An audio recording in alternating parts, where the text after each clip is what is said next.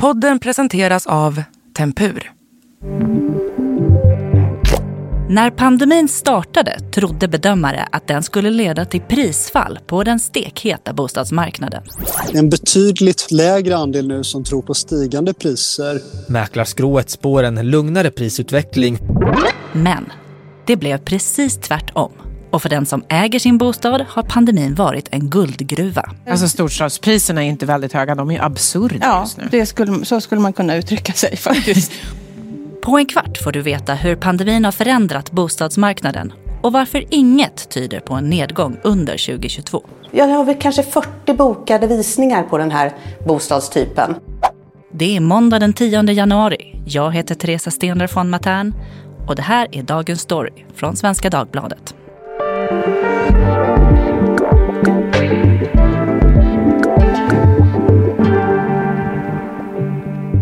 Johan Hellekant, reporter här på SvD Näringsliv. Du har ju bevakat bostadsmarknaden länge och har sett en del upp och nedgångar, eller hur?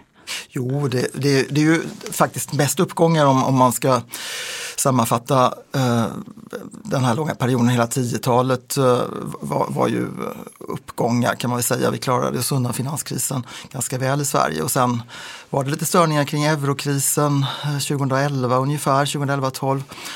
Men, eh, och så hade vi sättning 2018, men, men det har varit uppåt hela tiden kan man väl säga och det är väl det som är lite speciellt. Mm, verkligen. Om vi tittar då på det som har hänt 2021. Vilka bostadsägare var det då som, som blev rikast under året? Ja, det kan man väl säga att det var de som hade, redan hade riktigt dyra bostäder i attraktiva lägen och därmed var det stockholmarna som fick se enorma värdestegringar. I eh, Stockholm så ökade en villa med i snitt 900 000 kronor i värde på ett år. Så nu kostar snittvillan i Stockholm 7,2 miljoner. Men eh, också innanför tullarna så ser vi att bostadsrätterna som överlag hade försiktigare uppgångar, de steg väldigt mycket i värde eftersom de är så dyra innanför tullarna. Så då, en, en bostadsrätt på 100 kvadratmeter steg en miljon i värde. Ja, det låter ju ändå som väldigt mycket pengar. Men eh, vad var det som var mest förvånande med det som hände på bostadsmarknaden förra året?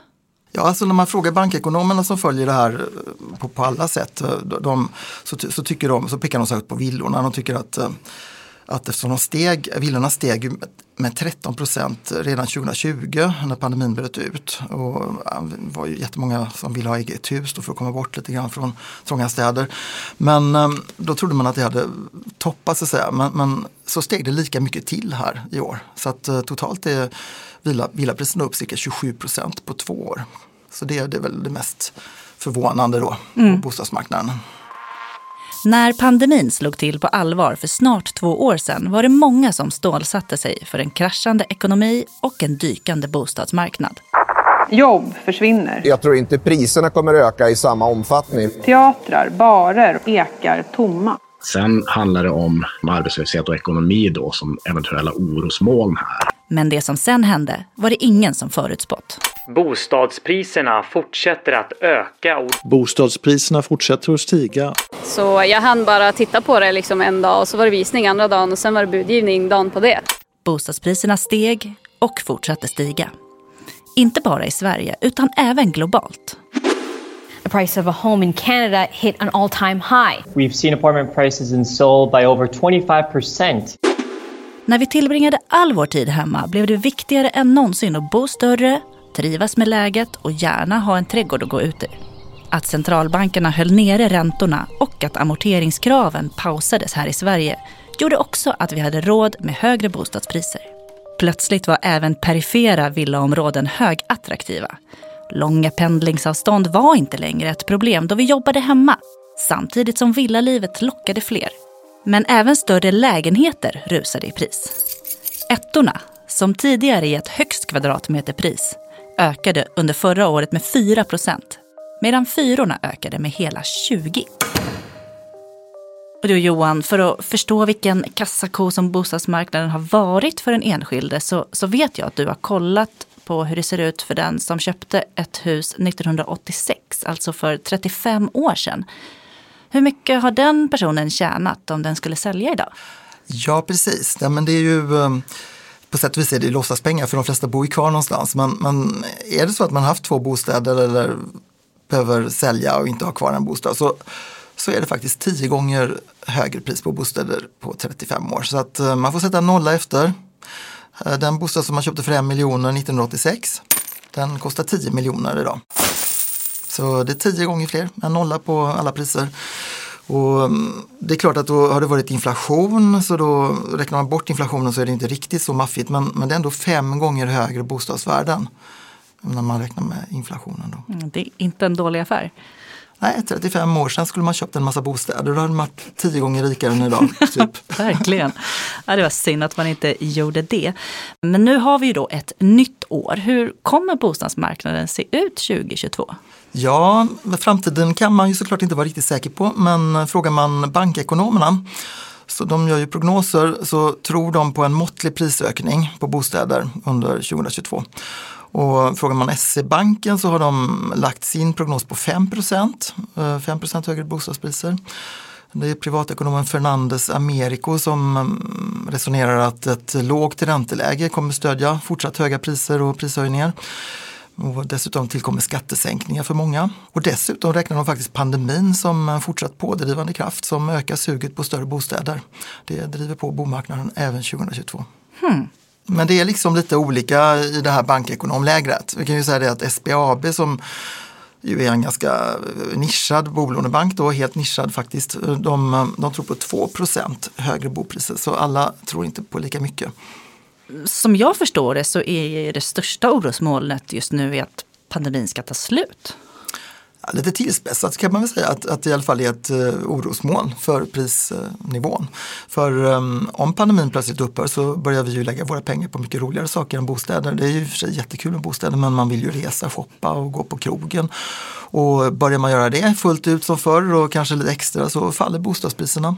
Och det varnar till exempel SBABs chefsekonom Robert Boye för. Eh, han pekar särskilt på fritidshusen, att de skulle kunna falla i pris. Många köper fritidshus just nu för, istället för att åka utomlands under pandemin. Men generellt kan man nog säga det att eh, marknader överlag de ogillar ju osäkerhet och det här med osäkerhet gäller ju i högsta grad utvecklingen av pandemin. Så det, priserna kan nog sticka iväg både åt det ena och andra hållet eh, om någonting händer så att säga. Vad för andra händelser skulle också kunna få priserna att falla? Alltså det, man, det ekonomerna snackar mycket om det är inflationen. Eh, den, den börjar ju närma sig 4% i Sverige.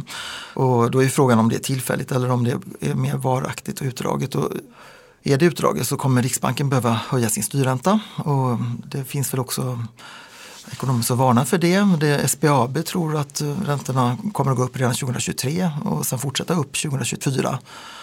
Totalt 5% backande bopriser. Men först nästa år då och året därefter. Okej, okay. så stigande 2022 och sen backa? Ja. Ah. Om Sverige har en bostadsbubbla eller inte är något som det spekulerats i nästan lika länge som priserna har vandrat uppåt. Vad händer i Sverige? Det där kommer ju kunna gå illa. Och frågan delar experterna, det vill säga de internationella analytiker som gör bedömningar och tittar på prisutvecklingen i olika länder.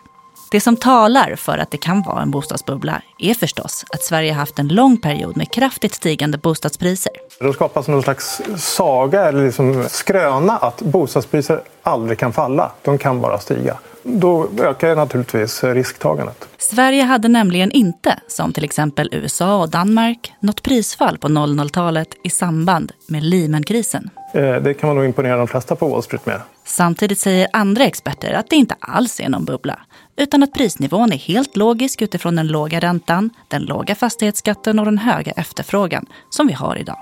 Så att eh, fler köpare jagar eh, jämförelsevis färre objekt och, och då stiger priserna. Och hur oroande ser politiker på det här då? För det skulle ju kunna få rätt stora konsekvenser om priserna verkligen började falla, eller? Ja, alltså då och då så faller ju faktiskt priserna. Det, det, det, så är det ju och, och därför mm, så, så tittar ju Finansinspektionen och Riksbanken på bostadsmarknaden. Och de har ju varit oroliga länge. De varnar för att vi har en dysfunktionell bostadsmarknad, att folk inte har så lätt att flytta och att det i sin tur skapar inlåsningseffekter som ger felaktig prisbildning. Eh, men eh, de här myndigheterna de har ju i sin roll att varna för faror. Däremot tror jag inte att politiker eller vi, vi andra, inte ens vi vanliga bostadskonsumenter, vi oroar oss inte jättemycket. Och för alla som äger sin bostad så är det ju verkligen bingo den utvecklingen som bostadsmarknaden har haft det senaste året. Men för de som vill in blir det ju svårare och svårare. Hur stort problem är det? Ja, alltså det är ju under många år som eh, även bankekonomerna har sagt att det blir svårare och svårare för unga. Många av oss eh, i hushållen ser ju också att det är svårt att, spara pengar på banken i samma takt som priserna ökar. Och det är ju ingen rolig situation. Eh, men eh, så då lånar ju hushållen och, och då blir också amorteringarna väldigt höga för det är ju ganska stränga amorteringskrav numera, på, särskilt på belåningar över 70 procent. Man måste också ha en stabil och bra inkomst för att kunna låna tillräckligt. Så det är de unga som hamnar i kläm. Om de inte har föräldrar som kan låna billigare åt dem eller om de råkar ha ett litet kapital på något sätt. Och till sist då Johan, nu har vi ju sett bostadspriser som bara har fortsatt stiga och stiga och som du sa tidigare så förväntar man sig att de även kommer fortsätta stiga under 2022. Men hur länge kan man egentligen förvänta sig att bostadspriserna kommer fortsätta öka? Alltså över väldigt lång tid. Så vi såg här från, på över 35 år, från 1986 hade de ju gått upp tio gånger. Så mm, tack vare inflationen då så kan man säga att den ser ju till att ehm, den långa kurvan alltid pekar uppåt. Eh, det vågar vi nog säga att det kommer den göra även för framtiden. Men eh, lite mer kortsiktigt så kan man ju säga att inga träd växer till himlen så värdena om värdena är beständiga, det vet vi ju inte.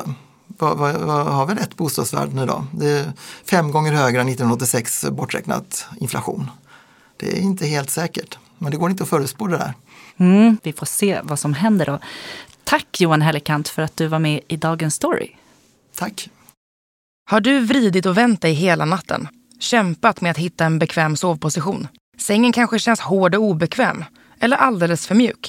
Mycket kan stå i vägen för en god natts sömn, men en dålig madrass borde inte få vara en av anledningarna. Tempur har därför sänglösningar för alla. Välj en säng som formar sig efter dig, inte tvärtom.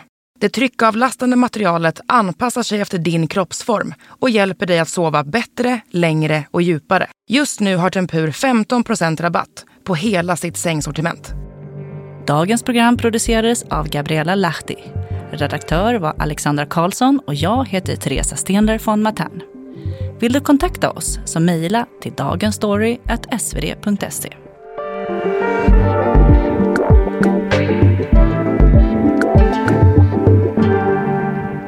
Klippen idag kommer ifrån Sveriges Radio, SVT, CBC, Ekonomifokus.se, Riksbanken, TV4 och Arirang News.